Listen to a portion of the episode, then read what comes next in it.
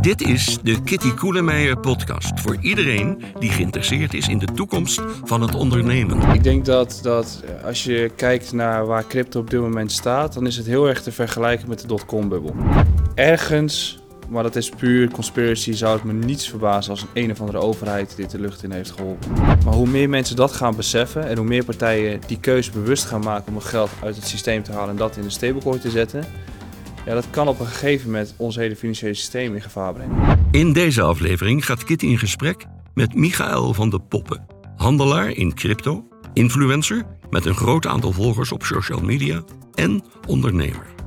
Kitty spreekt met Michael over de bitcoin, andere cryptomunten, de markt en hoe de bubbel zich zal ontwikkelen en natuurlijk de rol van de overheid. Let op, in deze podcast wordt geen financieel advies gegeven. Ik spreek met Michael van der Poppen. Hij is econoom, crypto-analyst, influencer en ondernemer. Welkom Michael. Dankjewel. Uh, dat is nogal wat hè, voor iemand onder de 30. Uh, je bent heel jong en je hebt al enorm veel succes bereikt. Je hebt, uh, ja, hoeveel op, uh, op YouTube inmiddels? 120.000? 120.000 ja, en Twitter is nog wat groter. Twitter is bijna 400.000 denk ik hè? Klopt, ja. Ja, dat is onvoorstelbaar. En je moet op enig moment daarmee begonnen zijn. Vertel eens hoe dat ging. Ja, ik, was, uh, ik ben begonnen met crypto in 2017 tijdens mijn studie. En um, gaandeweg, de, de standaardroute is dat je begint met crypto, je koopt iets en dan ga je op zoek naar informatie. Dat doet iedereen bijna. En dan eindig je op Twitter, want dat is het algemene medium waar iedereen uh, communiceert in de cryptowereld. Alleen wat ik zag was dat er eigenlijk 90% complete onzin is wat er gedeeld wordt daar. Of in ieder geval geen goede informatie, of er worden er weer tweets verwijderd. Toen dacht ik van ja, waarom ga ik zelf niet dingen delen? En zo ben ik begonnen, zat ik in uh, bepaalde communities, daar ben ik het ook gaan delen. En van het een is het ander gekomen en ineens uh, wordt het je passie. Eerst is het je hobby, dan wordt het je passie en dan wordt het je werk. Maar je hebt er op een gegeven moment voor gekozen om ondernemer te worden.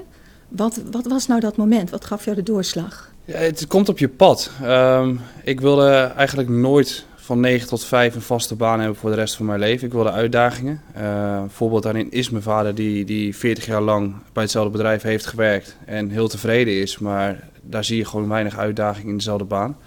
Um, en ik weet ook van hem dat hij telkens hetzelfde aan het doen was. Dus ik wilde voor mezelf eigenlijk in mijn leven gewoon mezelf uitdagen en avonturen opzoeken. En daardoor ben ik altijd wel een ondernemertje geweest. En zijn ook dingen fout gegaan, zijn dingen goed gegaan. En nu is dit op mijn pad gekomen. Ja, je hebt... Uh refurbishment van telefoons. Heb je een handeltje in gehad? Ja. En ben je daar toch mee gestopt? Want er zijn natuurlijk bedrijven die, die, die daar heel goed in doen. Mm -hmm, ja, ik heb het in 2010 had ik uh, een webshop in nieuwe telefoons. En toen kwamen de eerste iPhones op. En ja, dan komen de partijen in die heel veel kapitaal hebben, waardoor jij vervolgens uh, weggeduwd wordt. En dat gebeurde eigenlijk ook bij de refurbished tijdperk. Er was een periode dat er nog heel veel handel in zat, of heel veel mogelijkheden. En op een gegeven moment heb je gewoon een heel grof kapitaal nodig om daar nog iets in te kunnen doen. En dat heb ik op een gegeven moment gewoon stopgezet voor, uh, voor een cryptobedrijf. En, en wat intrigeert je zo in crypto? Um, ik denk dat het de nieuwe laag internet is en de ultieme vrijheid die het geeft. Dus um, dat is op heel veel niveaus uit te leggen. Maar um, voor Wie mij. het is? Nou, kijk, crypto, wat je nu bijvoorbeeld in bepaalde landen ziet, is dat het een nieuw uh, wettig betaalinstrument kan gaan worden. Sinds kort, hè? Ja. El Salvador? Ja. En er komen er meer aan waarschijnlijk. Uh, recent is uh, Oekraïne nog naar buiten gekomen met informatie dat zij dat ook graag zouden willen gaan doen.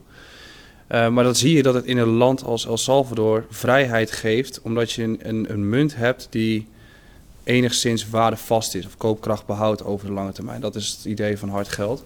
Dat is een veelgehoord opmerking in de crypto-community. Hè? De centrale banken drink, die drukken maar bij.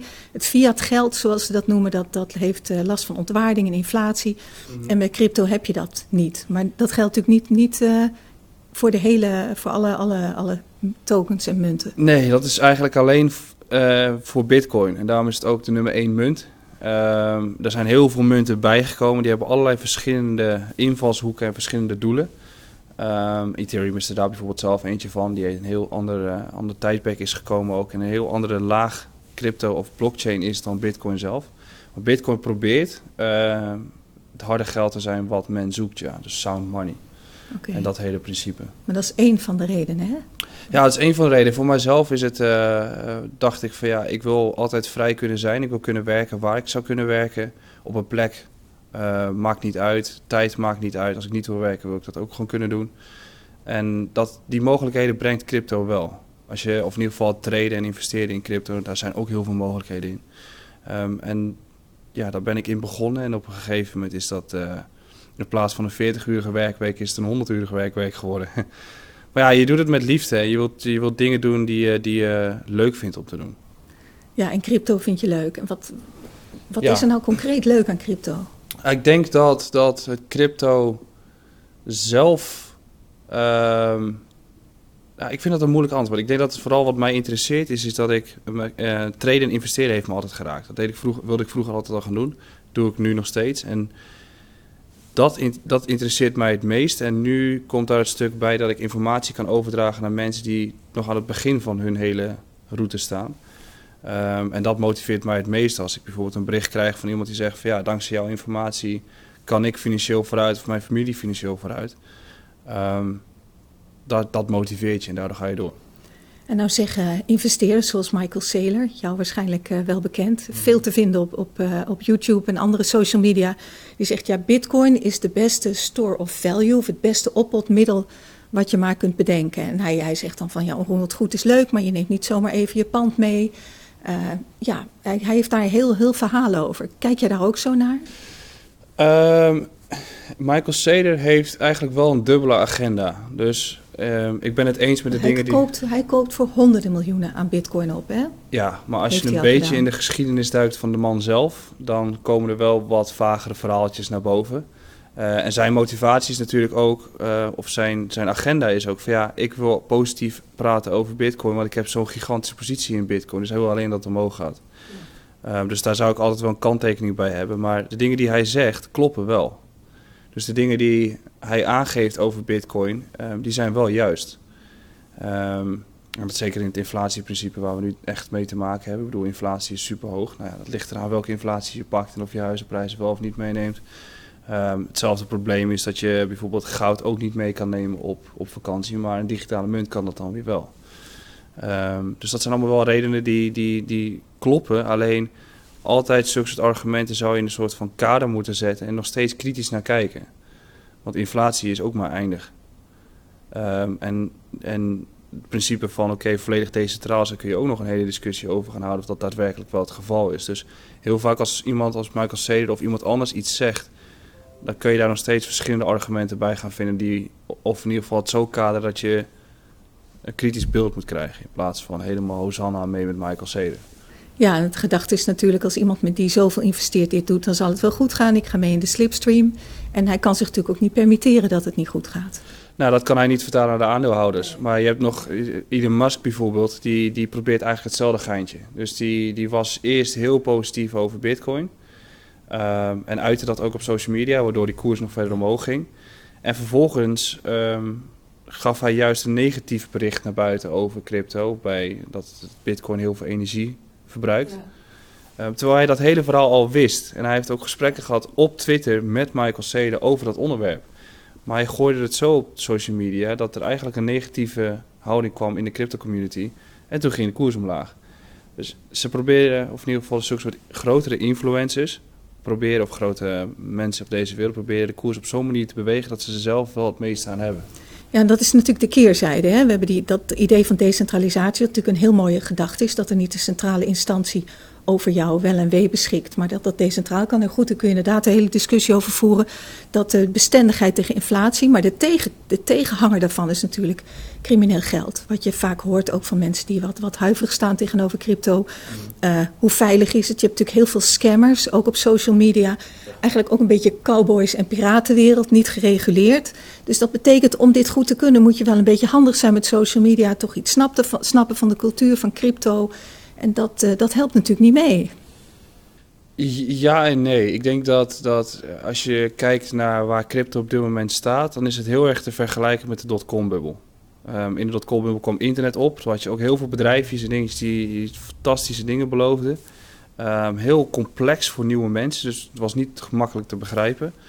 En daar gaan mensen mee uh, in zee of die gaan proberen te investeren en verliezen geld of verdienen veel geld. Dus dat, dat is altijd een heel moeilijk schouwspel en het gaat zo snel met de technologie. Nou ja, NFT's komen er nu aan, we hebben DeFi gehad en die zijn allemaal met nieuwe lagen bezig op de blockchain. Um, Waardoor het wat lastiger wordt voor een leek om te begrijpen wat het nou eigenlijk inhoudt. Ja, er is veel crimineel geld. Ja, er is nog geen regulatie. Uh, maar regulatie komt er steeds meer aan. En dat wij op Beursplein 5 zijn met bepaalde partijen die daar ook zitten, die heel actief contact hebben met de AFM. Um, ehm, en je ziet dat de regulatie steeds belangrijker begint te worden. Vooral wanneer jij bitcoin wilt omzetten naar euro of omgekeerd.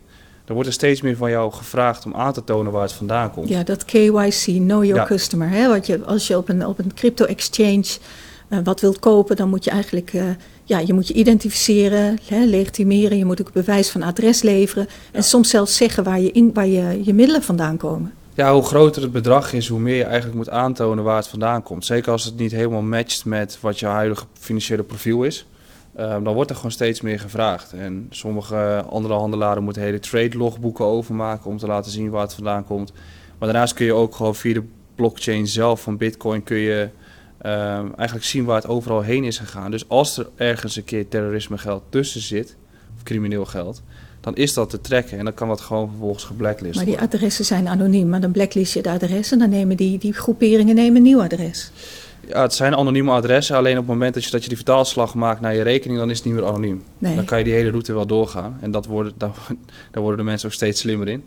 Um, dus dat gebeurt en dat gebeurt heel vaak wanneer een hack plaatsvindt dan is het adres bekend. En die wordt bij alle exchanges gelijk geblokt, waardoor diegene niet van zijn munten af kan. Oké. En dat is nu al een paar keer gebeurd. Ja, en dat is nu een paar keer gebeurd. En er is ook een paar keer gebeurd dat vervolgens de hacker de munten weer teruggegeven heeft. Van ja, ik uh, kan er eigenlijk niet zoveel mee. Dus uh, het systeem zelf regelt dat, of het begint dat te regelen. En als je kijkt naar de groei van, van de markt zelf en dan institutionele investeerders, nou, daar komen dus nu steeds meer regeltjes voor en waaronder er eentje van de KYC is die wij allemaal mee te maken krijgen. En dat zorgt ervoor dat er meer financiële instrumenten gaan komen, waardoor het transparanter en overzichtelijker wordt. En jij vindt dat dus een goede zaak, die regulering?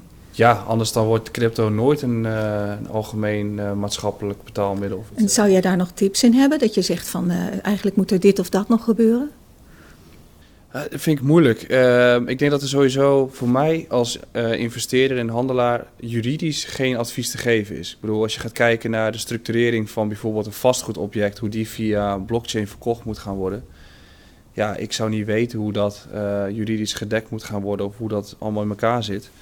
Ehm, het enige wat ik wel weet is dat wanneer het gereguleerd wordt, dat het um, makkelijker openbaar gaat. Dus dat het makkelijker door iedereen toegepast kan worden. Want uiteindelijk is je doel dat mensen een app gebruiken waarbij ze niet weten dat het blockchain is. En dat is, daar heb je regulatie voor nodig. Het laatste woord is daar nog niet over gezegd. Hè? En je ziet ook heel veel mensen die. Ja, je ziet nu sowieso weer heel veel nieuwe toetreders tot de markt. Mm -hmm. uh, ook heel veel mensen die, die toch huiverig zijn. Uh, ja, je, je, maakte de vergelijking met de dotcom-bubbel. Bij de dotcom-bubbel was het, ja, het klapte. Maar ja, ondertussen is nu het online, de online wereld, de online commercie groter dan die ooit is geweest. Klopt. Hoe zie jij dat gebeuren voor, voor crypto? Ik denk eigenlijk dat we dezelfde route gaan lopen. Ik denk dat als je, als je gewoon echt kijkt naar de markt nu um, en de waardering van een paar van die projecten, nou, neem een Cardano. Dat is, een, uh, dat is de nummer 5 munt nu, um, een soort ethereum Wat, wat typeert Cardano? Ja, ze proberen een betere versie te zijn van Ethereum. Dus sneller, schaalbaarder. Um, echte, ze zeggen al vier jaar dat er smart contracts aankomen. Dat zijn die uh, de contracten waarbij jij apps kunt gaan bouwen en dat je echt financiële instrumenten kunt gaan bouwen via een platform. Maar die uh, zijn er nog niet. Die zijn er bij hun nog niet. Helemaal nee. niet. En die, toch die komen er nu aan. Ongeveer. En de waardering van Cardano is? Uh, rond de 100 miljard, dus meer ja. dan een Uber. En er is niks eigenlijk. Er is een belofte. En dat, is een, dat kenmerkt de waardering van crypto op dit moment. En dat is niet Bitcoin zelf of een Ethereum. Maar het gros van de markt heeft een waardering die super hoog ligt. En het eigenlijk een belofte is voor de toekomst. En dat is één op één vergelijken met de dotcom-bubbel. Want toen had je dat ook. Van hele grote beloftes die er aan gaan zitten te komen. Maar die 9 van de 10 keer er niet echt aankomen. Dat is gewoon een luchtkasteel. En dan zie je dat de koers naar beneden klappen. Maar op het moment dat de koers naar beneden klappen, wil dat nog niet zeggen dat het fundamenteel daadwerkelijk slecht gaat. Want dat hebben we in 2018 ook gezien. Er wordt gewoon doorgebouwd. Uh, dus ik denk dat we een soort vanzelfde levensloop uh, mee gaan Kun krijgen. Kun je iets, iets specifieker in zijn? Hoe, hoe zie je dat voor je? Kun je een soort scenario schetsen? Uh, Liefst met tijdslijn erbij. Ah, ik denk dat we de, de Bitcoin cycle, dus de cyclus, is tot nu toe iedere keer vier jaar. Nou, dat is tot op heden nog steeds de enige juiste. Ik geloof alleen wel dat de cycles iets langer beginnen te worden, omdat er meer geld in de markt komt. En dan zie je heel vaak dat nieuwe koersstijgingen duurt wat langer, omdat er meer geld nodig is. Als we nu kijken naar de koersen, naar, uh, naar crypto en ook een klein beetje naar hoe de financiële wereld in elkaar zit. Ja, ik denk niet dat het feest nog langer dan 12 maanden doorgaat. Dus ik denk dat we. Het feest van de koersstijging of het cryptofeest? Nee, het feest van de koers dan echt. Dus waar, daar is iedereen eigenlijk nu op gefixeerd. Ik wil geld verdienen. Ja.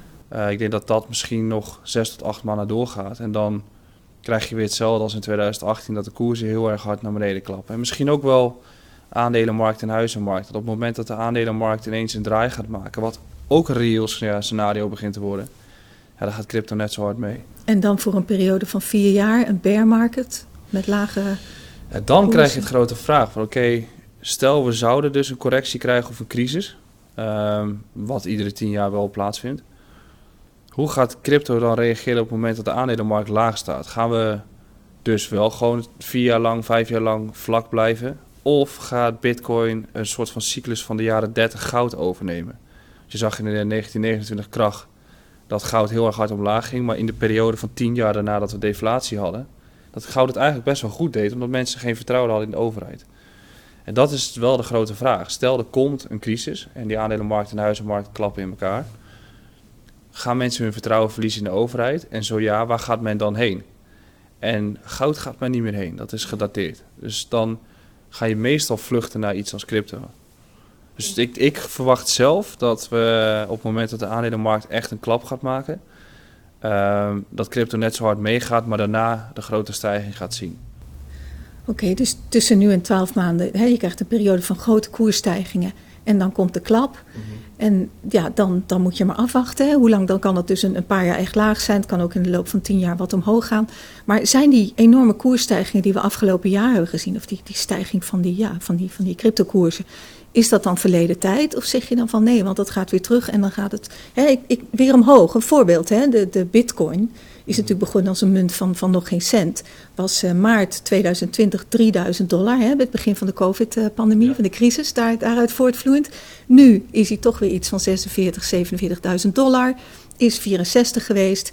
Nou, de vraag is waar gaat het heen? Het kan natuurlijk pieken en dan op meer reële niveaus terugkomen en blijven. Of verwacht je dat die, die cycli van, van alsmaar hogere pieken, dat dat blijft? Nou, ieder weldenkend mens kan begrijpen dat dat niet iedere vier jaar doorgaat. Ik bedoel, er zijn wel een aantal modellen die zeggen van oké, iedere vier jaar gaat het door. Alleen dat kan gewoon simpelweg niet. Want dan heb je te maken met een bitcoin van 1 miljard. Maar dan hebben we waarschijnlijk ook te maken met een economie waarbij gewoon een brood 50 euro ineens is of hoger.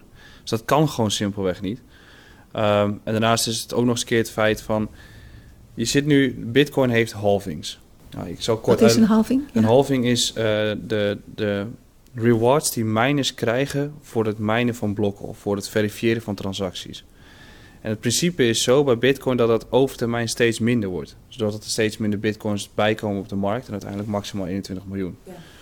En iedere vier jaar worden die beloningen voor de miners dus gehalveerd. En dat noemen we de halving. En daar komen die vier jaar cyclus ook vandaan. Echter, als een markt groter begint te worden, dan wordt het effect van die halving steeds minder en gaat het effect van de macro-economie steeds meer toenemen. Dus stel de Fed die beslist iets, dan gaat dat op een gegeven moment, omdat de markt zoveel groter is, veel meer effect hebben dan de halving zelf. De kosten van het mijnen van een blok bitcoins, eh, dat wordt ook steeds hoger. Alleen uh, wat we zagen bij de vorige halving was dat de, de huidige koers van de bitcoin gelijk was aan de kosten van het mijnen van één bitcoin. En wat je nu begint te zien is dat de kostprijs, laten we het zo noemen, rond de 25.000, 30.000 dollar begint te hangen, terwijl de koers dus veel hoger ligt. Dus het effect van zo'n halving gaat minder bepalen wat de koers zelf doet. Maar als de Fed ineens de rente gaat verhogen en de aandelen gaan omlaag, gaat dat veel meer een impact hebben. Dus die cycli gaan gewoon niet door. Ja, en, en nou heb je, er is een Nederlander die heet Plan B, Plan, Plan B. En eigenlijk anoniem. Hij geeft wel uh, interviews, is te horen, maar ik weet niet hoe hij eruit ziet. Ik weet wel dat het een hij is. Mhm. En die heeft een model gemaakt, het stock-to-flow model. En dat schijnt, uh, dat, dat voorspelt niet de pieken en de dalen, maar het voorspelt eigenlijk het gemiddelde, de gemiddelde koersniveau van bitcoin. En het lijkt erop dat het vrij nauwkeurig is. Wat is jouw visie daarop? Ja, maar het grappige is, is dat hij zelf kritisch is op zijn eigen model. In principe pakt hij niet heel veel variabelen. Hij pakt gewoon de halvings en het uh, supply-stuk pakt hij mee in zijn model. Ja, hij kijkt dus naar de beschikbare hoeveelheid die op de markt is en wat erbij komt. Hè? Dat stock to flow. Ja, en dat, die koppeling maakt hij ook met goud.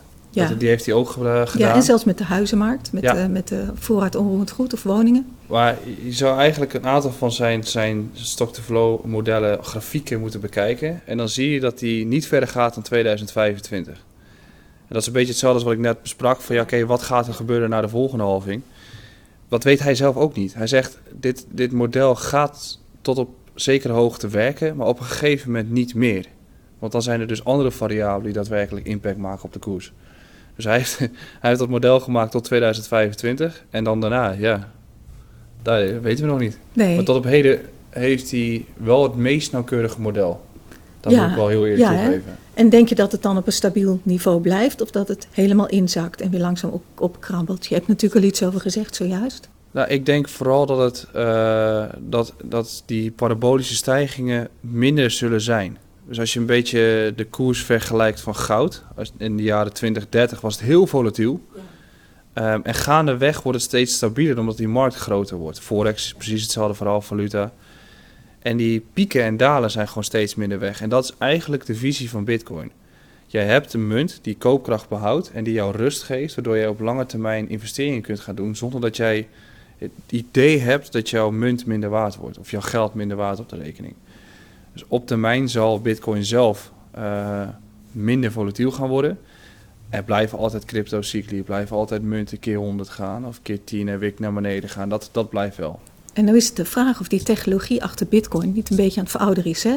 Want we krijgen quantumcomputers. Mm Het schijnt heel makkelijk te zijn om, om, uh, ja, om de, de versleuteling te kraken met quantumcomputers. Nou hebben we die nog niet echt uh, up and running. Maar dat gaat wel de komende jaren gebeuren. Ik weet dat de crypto-community zelf ook weer druk bezig is daar een antwoord op te formuleren. Maar de vraag is, is Bitcoin wel de, wel de juiste, het juiste instrument? Ja, dat is een van de vragen. En de tweede vraag is natuurlijk de schaalbaarheid van Bitcoin in het algemeen. Dat is nu al een heel groot vraagstuk. Uh, Door de lange tijd die het kost om transacties te verifiëren, bijvoorbeeld. Ja, ik weet niet het exacte aantal per seconde, maar het ligt heel laag. Dus stel, heel Nederland zou Bitcoin gebruiken als munt, dan ben jij een kwartier aan het wachten op je kopje koffie voordat je het kunt ja, betalen via het normale netwerk. Dus wat je nu steeds meer ziet, is dat er je hebt dan het Bitcoin-netwerk en dan zit er een laag bovenop. En dat zijn allemaal losstaande netwerkjes die bijvoorbeeld binnen PayPal zelf fungeren als gewoon een extra blockchain layer. Dus wat er dan gebeurt is dat uh, jij via PayPal, via een kaart of een systeem betaalt uh, bij de appie voor, jou, voor jouw uh, brood of iets dergelijks. Je betaalt via Bitcoin. En één keer in de week worden al die transacties op dat netwerk vervolgens uitgezet bij de Bitcoin blockchain netwerk. En dat kan ervoor zorgen dat we dus wel alles kunnen gaan gebruiken, maar niet via het hoofdnetwerk. Want dat kan het gewoon niet aan. En dat is het nadeel van decentralisatie. Als het volledig decentraal is, kun je dat soort dingen niet makkelijk doorvoeren. Ja, of van wat oudere technologieën. Want je kent natuurlijk ook het verhaal dat Bitcoin geschikt is als oppotmiddel, mm hè, store of value, maar dat Ethereum, wat ook een andere ja, methode van verificatie heeft, misschien wel veel beter geschikt is. Ja, en het zijn eigenlijk twee volledig verschillende projecten. Alleen dat willen we meestal Bitcoin-maxies niet horen. Wat is een Bitcoin-maxi? Ja, uh, voor een Bitcoin-maxi eh, bestaat Bitcoin alleen en de rest niet. Oké, dat ben jij dus duidelijk niet. Nee, ik, ik, ben, ik ben zeer ik ben ten alle tijde kritisch, maar ook uh, open voor nieuwe gedachten. Ik denk dat dat de enige manier is hoe je een dialoog kan gaan voeren. Want bij Maxi kun je dus niet aankomen zetten met Ethereum, want dat bestaat gewoon niet. Terwijl uh, je hebt zeg maar bitcoin, dat is dan een betaalmiddel. Dat probeert het te zijn, of een oppotmiddel, een spaarmiddel. En Ethereum probeert ervoor te zorgen dat jij hypotheken of leningen en allerlei andere financiële instrumenten naar elkaar kan doen zonder dat er een third party, dus een bank tussen zit. Dat is wat dat probeert te bouwen. En dat is iets heel anders dan Bitcoin. Ja, en, en wat Ethereum doet, probeert Cardano dus ook. En zo zijn er vast nog veel meer die dat ook juist dat proberen. Ja, omdat de Ethereum zelf heeft ook problemen met schaalbaarheid. En daardoor zijn er weer andere partijen opgestaan die dachten van ja, dat kunnen wij beter. Ja. En nu zitten we in een tijdperk waarbij je misschien tien van die grote projecten hebben die dat proberen te bouwen. Dus ja, wie gaat de winnaar zijn, dat weet je niet. Um, gaat Bitcoin blijven bestaan? Nou, ik denk, denk het wel. Alleen, het zal niet een groot platform worden als een Ethereum. Dus dat kun je vergelijken met de, de, de opkomst van Microsoft of iets dergelijks, of internet. En dat is Ethereum nu. En Bitcoin is gewoon een spaarmiddel. Ja, Die gebruikt kan worden als betaalmiddel. Al hopelijk. ja. En je, denk je wel eens na over de, de, de oorsprong van Bitcoin, Satoshi Nakamoto, en met mysteries omgeven. Als je het vanuit mijn vakgebied marketing bekijkt, is natuurlijk het toppunt van storytelling en, en een mysterie creëren. Dus dat is misschien zelfs ook wel een van de, van de bronnen van het succes. Ja, het is anoniem. Ehm, waarschijnlijk is de echte oprichter die is eh, een jaar of vier, vijf terug overleden. Ehm, maar dat is nooit bevestigd dat hij het is. De oprichter Satoshi Nakamoto heeft zelf nog een heel groot aantal bitcoins. Ergens, maar dat is puur conspiracy, zou het me niets verbazen als een een of andere overheid dit de lucht in heeft geholpen. Het zou me, het zou me helemaal niks verbazen. Zo, dus dat, dat wordt Maar- nog wat. Je maar- weet niet welke. Nee, maar ook verder, ja, kijk, je weet het niet. Dus het heeft ook niet heel veel zin om daar heel veel over na te denken, want je kan het toch niet beïnvloeden. Maar heb je verdiept in de technologie erachter? Heb je de whitepapers gelezen? Ik heb de whitepaper aan de muur hangen bij mij thuis. en het ziet er goed uit. Ja, het, het idee erachter is gewoon goed. Ik bedoel, dit komt het dichtst bij hard geld. Ehm, alleen waar we het net ook over hadden van... als het volledig decentraal is, geeft dat dus ook weer problemen. En is de mensheid of de maatschappij wel gemaakt voor volledige decentralisatie? Ik denk het niet. Is het gemaakt voor volledige centralisatie? Ik denk het ook niet. Er zit altijd een soort tussenin. Nou, dat hebben we hier in Nederland. Dus met Bitcoin is dat een beetje hetzelfde. Het is volledig decentraal, alleen daardoor geeft het juist heel veel problemen, waardoor het misschien op een gegeven moment ingehaald gaat worden. Geloof je in een soort symbiose dat we in een, in een hè, net zo goed als je ziet dat de online-offline wereld, de virtuele en de reële wereld steeds meer naar elkaar toe gaan. De een heeft de ander nodig. Geloof je de- dat dat hier ook gaat gebeuren? Oeh, dat is een moeilijke vraag. Ehm, in Nederland zie je nu nog niet de noodzaak voor crypto heel erg. Eh, niet in ieder geval in de vorm van een betaalmiddel. Maar als je gaat kijken naar een land als Cuba, El Salvador, eh, Paraguay, Panama, die heel veel mensen in het buitenland hebben zitten die daar werken en dus hun gelden moeten overmaken, maar het ontzettend lastig is omdat ze op de Veel kleine bedragen naar familie in het Ja. buitenland. Hè? En, en El Salvador was eh, ja, het president Najib Bukele, Ja, klopt. als ik het goed uitspreek. Ja, hele die, jonge eh, president. Ja, heel erg gevoelig ook voor deze, voor deze technologie. Ja, maar hij ziet dat probleem dus ook. En hij heeft geen eigen munt. Eh, zij zitten onder de vlag van de US dollar. Ehm, en dat geeft problemen. En hij wil vrijheid creëren voor zijn mensen. En zulke soort landen, maar dat zou je binnen Nederland kunnen vergelijken met bijvoorbeeld Marokko of Turkije. ehm, waar heel veel mensen hier werken voor de familie in het buitenland. Dat zijn de, de groepen die als eerste zoiets aanspreekt. Want die, en ook een- bijvoorbeeld het land zelf, Turkije, die, die hebben met heel veel inflatie te maken. Dus mijn achterban, daar- ik denk dat 20% Turks is. Die zijn op zoek naar een andere mogelijkheid, zodat ze hun leven kunnen leiden zoals ze dat willen. En niet iedere dag opstaan met de vraag van kan ik nog wel eten halen? Ja. En dan komt er echt een vraag naar crypto. En dat speelt in Nederland nog niet. Laten we hopen dat het nooit gaat gebeuren. Maar dat speelt in zulke soort landen wel. En daarom groeit het daar heel erg. En hoe meer dat soort landen overgaan, overgaan op crypto of bitcoin of een andere munt dan ook. Ja, dan is het een soort domino-effect. En dan ga je steeds meer steentjes krijgen. Nu is El Salvador begonnen. Nou, je krijgt Panama, Cuba, eh, Oekraïne nu in Europa ook.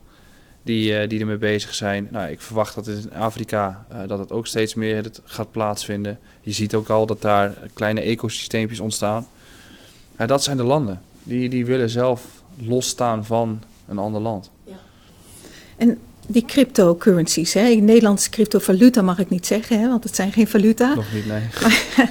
Maar er zijn er natuurlijk heel veel. Hè? Je hebt natuurlijk Bitcoin, Ethereum, het- heb je het al over gehad. Maar je hebt ook zogenaamde meme coins, zoals Dogecoin. En als je kijkt naar een, eh, hè, bijvoorbeeld CoinGecko of, of welke, hè, dat, waar dan alle, alle crypto's op staan. Maar ook als je kijkt naar exchanges, het zijn er ongelooflijk veel. Dan stijgt de ene weer 20, 30 procent in een dag, dan de ander weer.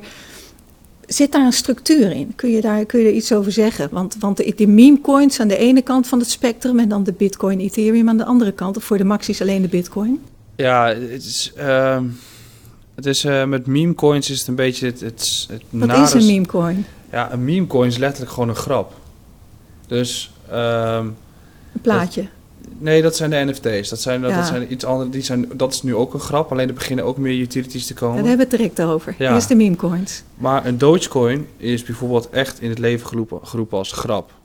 Alleen Elon Musk kaapt Dogecoin En die zegt letterlijk, ja, Dogecoin kan wel eens uh, groter worden dan Bitcoin en misschien wel betere currency zijn dan de US dollar. Um, en omdat dat gebeurt en omdat op een gegeven moment het zo makkelijk werd gemaakt voor iedereen om een uh, eigen munt te lanceren. Ik bedoel, binnen 10 minuten kan je je eigen munt lanceren. Krijg je allerlei muntjes die niks te maken hebben. En uh, niks te maken hebben met crypto zelf fundamenteel. En wat er dan gebeurt is, dan worden een aantal influencers die worden betaald om een beetje te promoten. Dan krijg je een soort van uh, hype wordt er gecreëerd en dan gaat dat ding in waarde omhoog. Ja. Maar het heeft geen fundamentele waarde. Het enige wat Omdat het, geen toepassing heeft. Het, heeft nee. Geen, nee. het is een soort systeem waarbij hoe meer holders van die munten zijn, hoe meer die waard wordt. En hoe meer transacties er komen, hoeveel meer munten teruggaan in het systeem. Dus een soort van deflatiesysteem. op. En dan krijg je een soort van pumpstijgingen.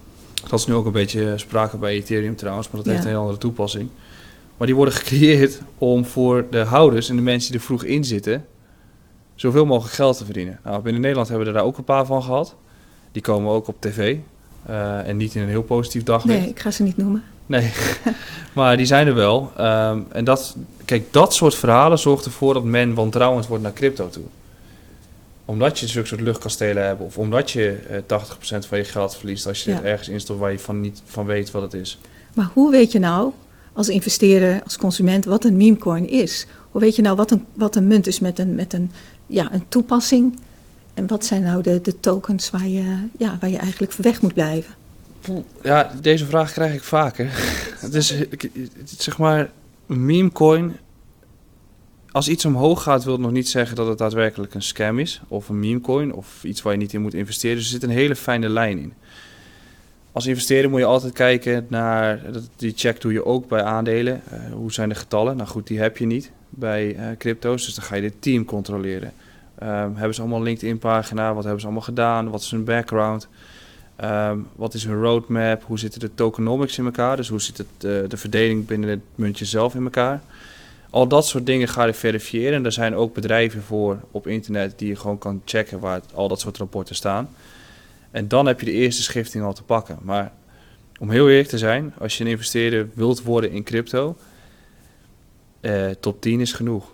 Dat zijn de munten Daar staat die... Dogecoin trouwens ook in. Klopt, maar dat is, er staan er nog wel een paar meer in die uh, geen toegevoegde waarde hebben. Maar een Bitcoin, een Ethereum, een Cardano. Dus je moet je eigenlijk je, je onderzoek ook beperken tot de top 10. Afhankelijk van je kennis. Ja. Als je, als je net begint in de cryptowereld, start met te begrijpen wat Ethereum en Bitcoin zijn. En als je Ethereum begrijpt en Bitcoin, dan kun je ook gaan kijken naar Solana, Cardano en al dat soort platformen. Maar als je de markt inkomt en je koopt een munt die op plek 300 staat, alleen maar omdat iemand tegen jou zegt, ja, die gaat het goed doen, ja, dan vraag je om problemen. Maar dat is de FOMO die in de markt hangt. Ja, FOMO uh, is... Fear of missing out. Ja, en, en goed, het zijn dan de meme coins, daar moet je wegblijven. Maar je hebt natuurlijk ook heel veel andere soorten. Je hebt DeFi, je hebt dat zelf al genoemd, Decentralized Finance. Ja. Wat, hè, wat kun je daar wat over zeggen? En, en zijn er nog meer van dat soort uh, projecten? Uh, Decentralized Finance had vorig jaar een hele grote zomer dat het ineens in opkomst kwam. Omdat eindelijk voor het eerst um, de platformen kwamen waar echt financiële instrumenten op gebouwd werden. Dus dan moet je denken aan een Fidelity die, die, die korte termijn leningen zoekt, alleen dat niet meer bij de normale partijen kan regelen. Dus dan ontstaat er een, soort van derde partij waar jij jouw geld stalt. Dan krijg je vervolgens 5 of 6 procent rente over en Fidelity kan het lenen. Dus die worden aan elkaar gekoppeld. Um, en dat is decentralized finance. Dus we hebben één betaalinstrument Bitcoin en twee de laag eroverheen. Dat wij met elkaar financiële afspraken kunnen maken. Dat is wat een software intermediair eigenlijk. Ja, uh, zonder third party. Dus alles wordt geautomatiseerd. Ja, de third party is de software. Is de ja, en dat zal alleen maar meer gaan groeien. Alleen op het moment dat zoiets in opkomst is, krijgt het dus hype. Terwijl het nergens op slaat, want het is er nog niet. Uh, maar op het moment dat dat steeds verder doorgroeit, en daar krijg je nu um, steeds meer toepassingen voor. En dat is het meest gevaarlijke voor het bestaan van ons huidige financiële systeem. Want waarom zou je je geld op een spaarrekening zetten en daar negatieve rente op krijgen, als wanneer je het in een stablecoin neerzet en daar 7% per jaar op krijgt? Of meer. Of meer. Dan kun je je wel gaan afvragen of dat sustainable is als het nog hoger is. Uh, maar hoe meer mensen dat gaan beseffen en hoe meer partijen die keuze bewust gaan maken om hun geld uit het systeem te halen en dat in een stablecoin te zetten, ja, dat kan op een gegeven moment ons hele financiële systeem in gevaar brengen. En daar is niet heel veel voor nodig. Maar je hebt ook een, een, een categorie uh, currencies zoals bijvoorbeeld RSR, hè? Mhm. die echt ook een, een, het doel hebben om een, ja, de inflatie die in bepaalde landen zit uh, te helpen beheersen. Dus, dus dat is hè, dat type munten, dat, dat is uh, heel een antwoord te vormen op, op, op inflatie.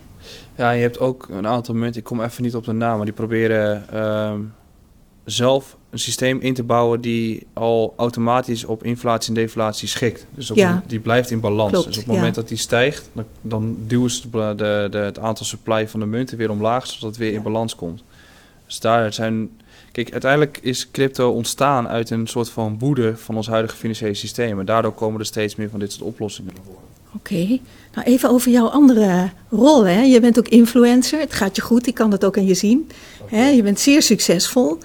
Maar eh, ik, ik heb even rondgevraagd, hè? wat is nou de vraag die je aan eh Michael zou willen stellen? En een van de vragen is, slaap jij wel ooit? Ja, Jij bent voortdurend aan het posten. Je post s'nachts berichten op Twitter. Je, Mhm. ehm, ja, het lijkt of je, of je maar een paar uur per nacht slaapt. Ah, ik krijg die, vaak, die vraag heel vaak. Maar ehm, Twitter heeft volgens mij een maand of drie terug... hebben ze een nieuwe toepassing ehm, erin verwerkt. En dat is scheduling tweets. En ik was me op een gegeven moment bewust van... oké, ja, hoe, ga ik, hoe ga ik ervoor zorgen dat ik groei? Qua mijn, het is uiteindelijk een netwerkeffect, dus hoe groei ik op social media? Nou, dat doe je door 24-7 content te blijven produceren. Ja. Dus om 8 uur s'avonds ga ik zitten, maak ik mijn tweets voor de nacht.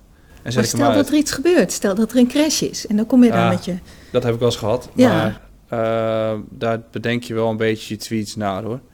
Ehm, ik moet ook zeggen, ik heb soms helemaal geen zin om die tweets te maken. Of dan zit ik op het terras en dan, ik, dan eh, ga ik ook hele andere, doen, andere dingen doen.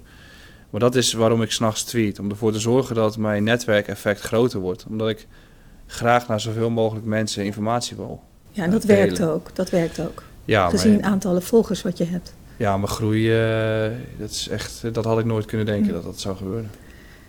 En eh, het leven als influencer, hè? want dat, dat betekent ook dat je jezelf blootstelt, dat je bekend bent. Eh, dat betekent ook, eh, weten we allemaal op Twitter, dat, dat er heel veel haat is, dat er heel veel scammers zijn. Hoe ga je daarmee om? Nou, je hebt sowieso op online social media ehm, heel veel impersonators en scammers. Dat is super irritant. Kunnen de platformen schijnbaar niks aan doen. Ik word tijd geconfronteerd met het feit dat mensen geld overmaken naar iemand waarvan ze denken dat ik het ben. Ehm, daar kan ik niks tegen doen. Dat is heel vervelend om ermee om te gaan. Verder, eh, hoe groter je wordt, hoe meer je bepaalde dingen niet meer normaal zou kunnen doen. En hoe meer dingen die je normaal dacht nooit zouden kunnen, nooit kunnen ze gaan doen, worden normaal. Dus dat houdt in op straat herkend worden. Eh, naar de kroeg gaan en daar mensen die jou herkennen. Of eh, je kan niet meer fatsoenlijk naar een festival toe, omdat je toch met je eigen groepje om je heen wilt hangen. Je, je gaat net even wat bewuster om met bepaalde keuzes. En dat is een side effect van het feit dat je dus boven het maisveld uitkomt. Ja, En ook als je, als je een keer iets leuks doet of je haalt een leuke, leuke auto of iets dergelijks, ja, dan krijg je ook negativiteit. maar je laat hem ook zien, hè? Ja, omdat ik trots ben. Ja. Ja. Ehm, ik post hem zo nu en dan omdat ik gewoon wil laten zien van hé, hey, ik ben trots. En voor sommigen, kijk, voor een hele grote groep mensen is het ook een motivatie van hé, hey, hij, ik heb het letterlijk allemaal zelf gedaan. Ik heb geen stimulans gehad van iemand. Ik heb het zelf opgebouwd. Ik ben ooit met 2000 euro begonnen. Eh, vier, vijf jaar terug. En nu sta ik hier en dat kan je ook zelf bereiken. Maar je post ook foto's van je katten, hè? Ja, En niet zo weinig ook. nee, ja, die zijn bij mijn ouders thuis en dat vind ik nog veel leuker dan, eh, nog veel leuker dan materiaal. Maar dat hele persoonlijke, dat vermeng jij dus met je, met je rol als crypto-analyst. Ja, ik heb, ik heb altijd de afspraak gemaakt van, eh, met mezelf in ieder geval, dat als ik ergens bekender in word en ik moet op tv of ik moet interviews doen of bijvoorbeeld hier zitten, dat ik mezelf blijf. In iedere situatie wil ik dat gewoon, ik wil mezelf kunnen blijven, want dat is je belangrijkste schild. En daardoor vind ik het ook belangrijk dat ik persoonlijke dingen deel. Dus katten, voetbalstadions, eh, Ja, inderdaad. Formule 1. Formule 1 ook nog. Ehm, of als ik ergens last van heb, zoals met mijn been. Al dat soort dingen wil ik gewoon delen, zodat mensen ook zien van hé, hey, hij is een mens. Nou, nou heb ik de afgelopen jaar flink wat, eh, wat eh, influencers gevolgd. En eh, ja, er zit ook een hele groep eh, jongen van mannen in, in, in Dubai bijvoorbeeld. Maar het valt mij toch wel op dat jij een van de meest nuchtere, feitelijk eh, op feiten gebaseerde analisten bent. influencers. En ik, ik weet ook dat jij je wel eens ergert aan wat, er, wat er allemaal wordt gepost. Ja, Ook op YouTube. ik, ik eh, ehm, ik, laat me, ik liet me vroeger vaker uit over bepaalde mensen, omdat dat informatie is waar je niets aan hebt. Dus ik probeer ten alle tijde redelijk nuchter over te komen en gewoon basaal en rustig mijn je informatie blijft weg te... van de clickbait. Ook al Nou, op YouTube dat... doe ik het nu wel met mijn titels, maar dat is, dat is alleen maar om een groter bereik te krijgen. Ehm, want als je naar de video's zelf kijkt, weet je dat ik helemaal niet zo ben. Maar ja, kijk, als een Cardano op bijvoorbeeld dit niveau staat van 100 miljard... en je ziet een video waarbij je zegt, ja, Cardano gaat nog keer 100. Ja, dat gaat gewoon niet gebeuren. Dat kan gewoon niet. Dan is het eh 10 trillion, ja. Sorry hoor, maar, dat, dat, dat, maar daar, dat soort informatie zorgt er dus wel voor... dat mensen die onwetend zijn, dat voor waarheid aannemen... en bepaalde keuzes maken en geld gaan verliezen. En daar realiseren heel veel van de jongens niet. En hoe, hoe zit jouw businessmodel in elkaar? Hè? Want alle, alle activiteiten die je hebt, die, die zorgen voor inkomsten hè? via YouTube. En, maar je hebt natuurlijk ook je eigen je crypto-platform. Ja. Waarmee je, ja, ik, mag, ik weet niet of ik het advies mag eh, noemen. Wij geven je geen financieel advies. Nee. Maar je, jij, eh, jij, jij leidt mensen op. En waar, waar zit nou, hoe zit het in elkaar? Dat grijpt natuurlijk ook allemaal in elkaar, denk ik. Ja, het is sowieso met elkaar verweven. Eh, YouTube zorgt voor mij voor inkomsten. Investeringen die ik doe, die zijn inkomsten. Partnerships die ik heb, zijn inkomsten. En het bedrijf is voor mij mijn kindje. Ehm, daar zit hoe, het, hoe is dat in verhouding? Waar, waar zit het zwaartepunt? Oh, ik denk dat de waarde wel in mijn bedrijf zit, maar mijn geld verdien ik niet met mijn bedrijf. Dus ik doe, ik, mijn geld verdien ik zelf met investeren en handelen. Ehm, en het bedrijf is omdat ik het oprecht heel leuk vind om te doen. En ik wil gewoon een heel tof bedrijf neerzetten waarbij ik kan zeggen van ja, ik help mensen of ik breng ze verder. En dat is dat, dat educatieve platform en de consultancy waarbij eh, vanaf Beursplein waar we mensen wel enigszins adviseren, maar binnen de regelgeving van de Ja. AFM. Ja, dat je geen vermogensbeheer doet. Nee, we zijn wel eh, met partijen in gesprek om te kijken van... oké, kunnen we dit onder de vlag van jullie gaan doen? Want we willen het zelf wel heel graag. Eh, dan heb je een partij als Amdax of een Iconic waar je mee praat. Ehm, of misschien zelf een vergunning gaan, gaan eh, eh, halen bij de AFM. En dat, is, dat staat op de rol voor kom- komend jaar om dat te gaan doen. Ja, we moeten wel. Er komt namelijk nieuwe regelgeving aan waarbij crypto wel een financieel instrument is. En dan word je heel erg gelimiteerd. Dan zijn er nog een paar ontwikkelingen waar ik het even met jou over wil hebben. De eerste zijn NFT's, hè, non-fungible tokens. En eh, we zien daar een enorme hype in, eh, is daarin ontstaan. Volgens mij is hij alweer een beetje aan het, aan het afdalen. En dan Nou. heb je het ook. Nou, zeg maar, waar- zeg maar. Ja, die hype is nog steeds gaande. Ik bedoel, maar wat, eh, wat zijn NFT's? Wat, wat moet je je daarbij voorstellen? Nou, het is, het is eigenlijk Pokémon kaarten. Weet je dat principe? Ja, Hele tekeningetjes van Bored Apes en Ja, en apen. penguins. En eh, wel grappig dat je Board Apes zegt, want die hebben wel een utility erachter. Dus wat het idee bij Board Apes is, ze hebben, ik weet niet hoeveel van die kaartjes uitgebracht, van die apen. Ehm, en ze gaan straks evenementen organiseren of communities of dergelijke gaan ze, gaan ze houden. Waarbij je alleen binnen kan komen als je één zo'n NFT hebt. Oké, Dus dan wordt het een soort van high-class community. maar zo'n NFT kan honderdduizenden Ja. euro's kosten. Ja, er was, eh, laatst ging er zo'n eh, zo'n Ether Rock. Gewoon een plaatje van een rock met een nummer erbij. Die ging voor eh 1,8 miljoen dollar. Ja, Ja, dat is, dat, kijk, dat heeft nul toegevoegde waarde. Alleen NFT's zelf, en zeker als je gaat kijken naar de artiestenwereld en eh evenementenbranche, Games. games, eh, play to earn. Dat is een eh, principe die daarin eh, eh, in verwikkeld is. Ja, ik praat ook met een aantal artiesten en die zeggen allemaal van ja, wij betalen heel veel aan royalties. Maar als we via een NFT-platform zelf ons album uit kunnen brengen... en we kunnen zelf er allerlei dingen in verwerken die we cool vinden om te doen... dan krijgt dat natuurlijk een vlucht op een gegeven moment. Don Diablo heeft een concert gegeven via een NFT-principe. Dan moest je een NFT kopen. En dan was jij, dat was voor jou je toegangsbewijs dat je dat concert kon zien. Of dat, eh, Ja, dus die, de auteursrechten, de intellectuele eigendom, daar heeft het wel degelijk heel veel relevantie mee. Hè? Want wat we nu zien met die plaatjes is vooral leuk, een beetje, een beetje oefenen, een beetje experimenteren. Even ongeacht de, de bedragen die daarvoor worden betaald. Maar het heeft op, op termijn, zit daar natuurlijk wel degelijk een hele belangrijke use case in. Ja, en op heel veel verschillende niveaus. Ik bedoel, fragmentatie van vastgoed via NFT's gaat waarschijnlijk ook gewoon komen. Of in ieder Ja, geval... dus dat je een klein stukje vastgoed koopt en dat daar een NFT voor krijgt. Ja, dat wordt dat is zeg maar, je hebt dus Bitcoin of je hebt blockchain, er zit DeFi bovenop en daar komt nu NFT bij. Ehm, en dat gaat op een gegeven moment allemaal steeds verder met elkaar verwikkeld worden. Alleen er zijn zoveel juridische vraagstukken die nog niet verwerkt zijn. Kijk, je kan wel een financiële overeenkomst sluiten over een NFT, maar wat ga je juridisch doen als eh, A of B gebeurt? En daar zijn nu steeds meer mensen mee bezig van oké, okay, uh, maken real use cases en dan gaan we gewoon testen. Uh, een man uit Den Haag die heeft een, uh, een oranje bal. En daar zitten twee, twee ledjes in. En dat zijn, daar hebben mensen geld naar overgemaakt. En dat zijn de eigenaren van die bal. Maar hij heeft hem zelf thuis staan. Dus als hij op een gegeven moment naar een evenement wil toegaan met die bal, moet hij toestemming vragen aan de ouders of hij daarheen mag. En hij zei van ja, het is voor mij interessant om dit te doen, want kan ik op kleine schaal kijken wat voor probleem je, waar je tegenaan loopt en wat je dan voor oplossingen daarop kunt gaan bedenken. En dat is een beetje het verhaal met NFT's. Ja, dat is, dat is interessant. En ik, ik, ik ken nog een uh, toepassing van NFT's. Hè. Dat zijn de decentrale marktplaatsen. Is natuurlijk interessant voor iedereen die zich met e-commerce, retail bezighoudt. Mm En uh, je hebt daar een aantal. Hè. Een van daarvan is bijvoorbeeld Splitcore. Dat is ook een project van, uh, wat door Polkadot uh, ondersteund wordt. En dan het idee is dat je nu bij de marktplaatsen, hè, dus zoals de Bol.com en Amazon, dat je toch een centrale partij nodig hebt die, die de intermediair is. En met die decentrale marktplaatsen krijgen alle alle producten die je wil verkopen krijgen een eigen NFT, non-fungible token toegewezen. Waardoor je als het ware als fabrikanten rechtstreeks met consumentenzaken kan doen. En, hè, dus, dus zij hebben ook een token, hè, ShopX. En dat, uh, ja, ik zie daar wel mogelijkheden in, maar jij als, als crypto-expert?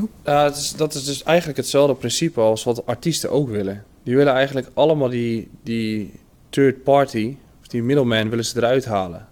Um, dat, dat gaat op heel veel lagen waarschijnlijk gebeuren. Dus dat is dus met e-commerce is dat een oplossing die zou kunnen komen. Um, dat zou met de artiestenwereld kunnen gebeuren.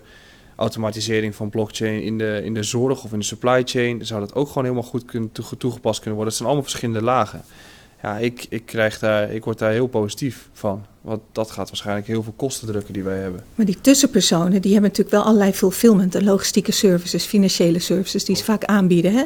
Want in dit geval moet de fabrikant zelf het transport regelen. Naar, hè, of een leverancier transport regelen naar een consument. Terwijl bijvoorbeeld ja, bij de grote platformen, hè, die hebben fulfillment bij en die doen dat voor je. Ja, maar je ziet tegenwoordig zonder blockchain al steeds vaker dat die fabrikant uh, rechtstreeks communiceert met de consument. Er zijn daar verschillende partijen steeds meer mee actief. Dus dat is al wel een beweging die steeds vaker gaande is. Wat voegt blockchain daaraan toe in jouw, naar jouw idee? Nou, bijvoorbeeld in de, in, de, uh, in de kleding of in het eten kun je vervolgens volledig trekken waar het eten vandaan komt. Dus als jij milieubewust bezig bent. Gebeurt al, hè? Ja, dat, dat wordt steeds ook meer toegepast. Um, verder, ja, verder geeft het voor mij, voor de e-commerce, vind ik het lastig in te schatten, omdat er al oplossingen zijn zonder blockchain. Maar met de V-chain dan kun je dus volledig trekken waar uh, de producten allemaal vandaan komen. Dus kun je daadwerkelijk weten of die echt is of dat die uh, niet door kinderarbeid gemaakt is en dergelijke. Uh, maar de vraag bijvoorbeeld bij artiesten is van joh, wij willen een platform bouwen met NFT's en zelf het album uitbrengen. Maar dat werkt alleen voor de grotere jongens. Hoe werkt dat voor iemand die wil starten? Die heeft een platenlabel nodig. Dus dat zijn ook nog allemaal dingen die uitgekristalliseerd moeten gaan worden. Dus dat betekent dat, dat er ook enorm veel mogelijkheden voor nieuwe ondernemingen, nieuwe ondernemers zijn. Denk je daar zelf ook al over na?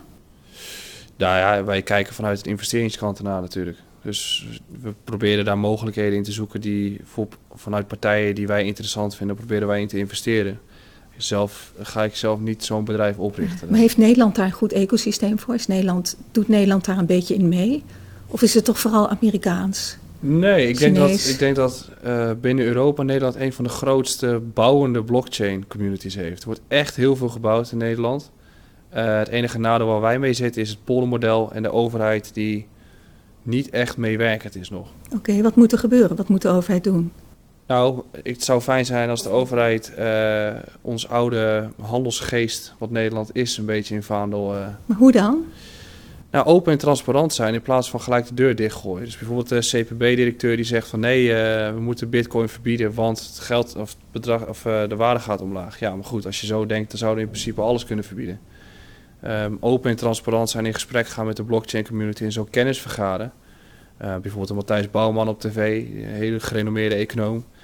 Hoor ik af en toe ook gewoon dingen zeggen die heel makkelijk te verhelpen zijn door gewoon af en toe eens een keer te gaan praten met mensen die uit de blockchain community komen. Dus die connectie maken, dat gebeurt al, maar nog niet intensief genoeg.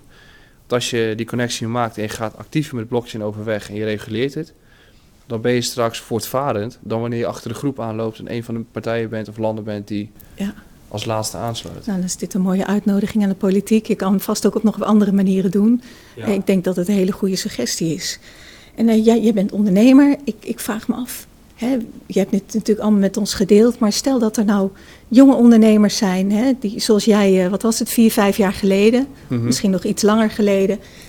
Ja, die, die willen ook hun bedrijf beginnen. En trouwens, je, hebt, je gaat niet je master-economie doen, of wel? Nee? Ik heb mijn bachelor gedaan. Uh, en toen heb ik op een gegeven moment gezegd, ik, ik haal daar weinig plezier of um, voldoening uit. Uh, het was meer voldoening voor mijn ouders. Uh, en, toen, en vooral ook dat ik mezelf nu het embleempje econoom op kan dienen. Dat is schijnbaar voor de maatschappij super belangrijk. Toen heb ik al heel snel gezegd van ja, ik ga geen master meer doen, omdat ik, ik wil graag bezig zijn met dingen die ik leuk vind om te doen. Je bent natuurlijk pas echt de economische master hebt afgerond, hè? Ja, dat is waar, dat is waar. Uh, maar ik merk nu al in mijn werkveld dat zeker met crypto, met nieuwe, nieuwe technologie, dat, dat daar is, als ik oude modellen ga leren, dat is bijna niet toepasbaar op de, op de crypto die er nu is. Dus misschien dat daar nog ook wel een koppeling Statistische kennis is natuurlijk altijd handig hè, in dit geval. Ik denk dat plan B ook een, een, sta, een uh, ja, traditioneel opgeleide analist ja, is. hij komt ook uit de bankenwereld. Ja, maar even terug naar mijn eerdere vraag. Wat voor tips heb jij nou aan startende ondernemers? Je bent zelf nog hartstikke jong, maar je bent wel heel succesvol. Dus tips van iemand uh, die nog jong is, dat is vaak uh, heel aantrekkelijk. Ja, ik, ik, ik denk vooral gewoon koppig en stug zijn en doorzettingsvermogen hebben. Ik bedoel, uh, toen ik begon, toen was ik in mijn eentje als hobbymatig bezig en werd ik heel vaak uitgelachen. En ik denk dat je in de eerste twee jaar ga je ervaren dat het helemaal niet zo makkelijk is. En dan komt die koppigheid en doorzettingsvermogen, die, komt, die is van toepassing dan. En verder openstaan voor kritiek en openstaan voor andere visies. En als je dat gaat doen, dan kun je die visie koppelen aan je eigen visie en jezelf alleen maar verbeteren. Denk dat dat de route is geweest waar wij nu zijn aangekomen met en het bedrijf. hoe wist je nou dat jouw visie de juiste was? Want je kan ook koppig zijn met een verkeerde visie. Hoe wist je nou, Klopt. waar zat je zekerheid? Nou, mijn zekerheid zat in het feit dat ik wel redelijk begreep dat crypto enigszins groot kon worden. Um, echt het bedrijfsmodel is gewoon gewijzigd, omdat uh, voorheen was het eerst een, is een soort van tradegroep en nu uh, zag ik, kwam ik op Beursplein en had ik die andere bedrijven om me heen en zag ik hoe de professionaliteit daar was. En toen dacht ik van ja, oké, hoe kunnen wij ervoor zorgen dat wij een bepaald bedrijfsmodel hebben waarbij één, mijn following erbij gebaat is en twee, al die andere bedrijven ook. En dat het net iets anders is. En dan ga je nadenken en dan kom je eigenlijk uit bij wat er in de traditionele wereld al bestaat. En dat ga je enigszins koppelen aan de cryptowereld met de kennis die je hebt. Ik denk dat dat steeds vaker gaat gebeuren ook. En als je bedrijf groeit en het gaat opschalen, dan, dan heb je op een gegeven moment behoefte aan, aan misschien ander management, andere vorm van ondersteuning. Ben je daar al mee bezig? Ik heb nu, uh, nu ben ik in de fase waarbij we zijn nu met 14 en we gaan, of 12 en we gaan richting de 16, want over twee weken beginnen de twee. Dus ik ben altijd in de war met die getallen. Um, dus we zitten nu in de fase van oké, we zitten met structureringsproblemen. En hoe gaan we dat uh, goed, efficiënt verwerken, waarbij iedereen nog steeds in zijn kracht komt. Dus ik heb contact met verschillende andere CEO's en uh, managementpersonen uh, die mij daarin kunnen sturen. Want ja, ik zou niet weten hoe ik dat moet doen. Maar ook daarin moet je openstaan voor hulp. Als jij kennis kunt vergaren van mensen die al een stukje verder zijn en dat al een keer gedaan hebben en dat zelf kunt toepassen, nou, dat is goud waard. Oké, okay, nog, nog een laatste woord, geen financieel advies, maar nog een laatste aanbeveling voor mensen die overwegen juist nu in crypto in te stappen. Hmm. Uh, doe het rustig. En wat is rustig? De meest simpele oplossing is door uh, bijvoorbeeld van jouw salaris iedere maand 1% te kopen. Zo heel gelaagd rustig gaan inkopen. Uit de top 10 te kopen, met uitzondering ja. van de meme coins dan. Ja, maar gewoon, al hou je het bij Bitcoin of Ethereum, gewoon iedere maand een klein beetje kopen, zodat je een feeling krijgt met de markt. En dat gaat, dat gaat even duren. En niet uh, hals over kop alles zomaar in iets stoppen waarvan je denkt dat het omhoog gaat. 9 van de 10 keer gaat het fout. Oké, okay. fantastisch dat je bij ons was. Dank je ja, wel. dankjewel. Michael van der Poppen, crypto-analyst, influencer, econoom en ondernemer. Dank je wel. Ja, ook bedankt. Dit was de Kitty Koelemeijer podcast. Als je dit gesprek interessant vindt en vaker dit soort gesprekken wilt zien of horen, druk dan op die bekende knop. Want dan weet je één ding zeker: de podcast van Kitty wordt vervolgd.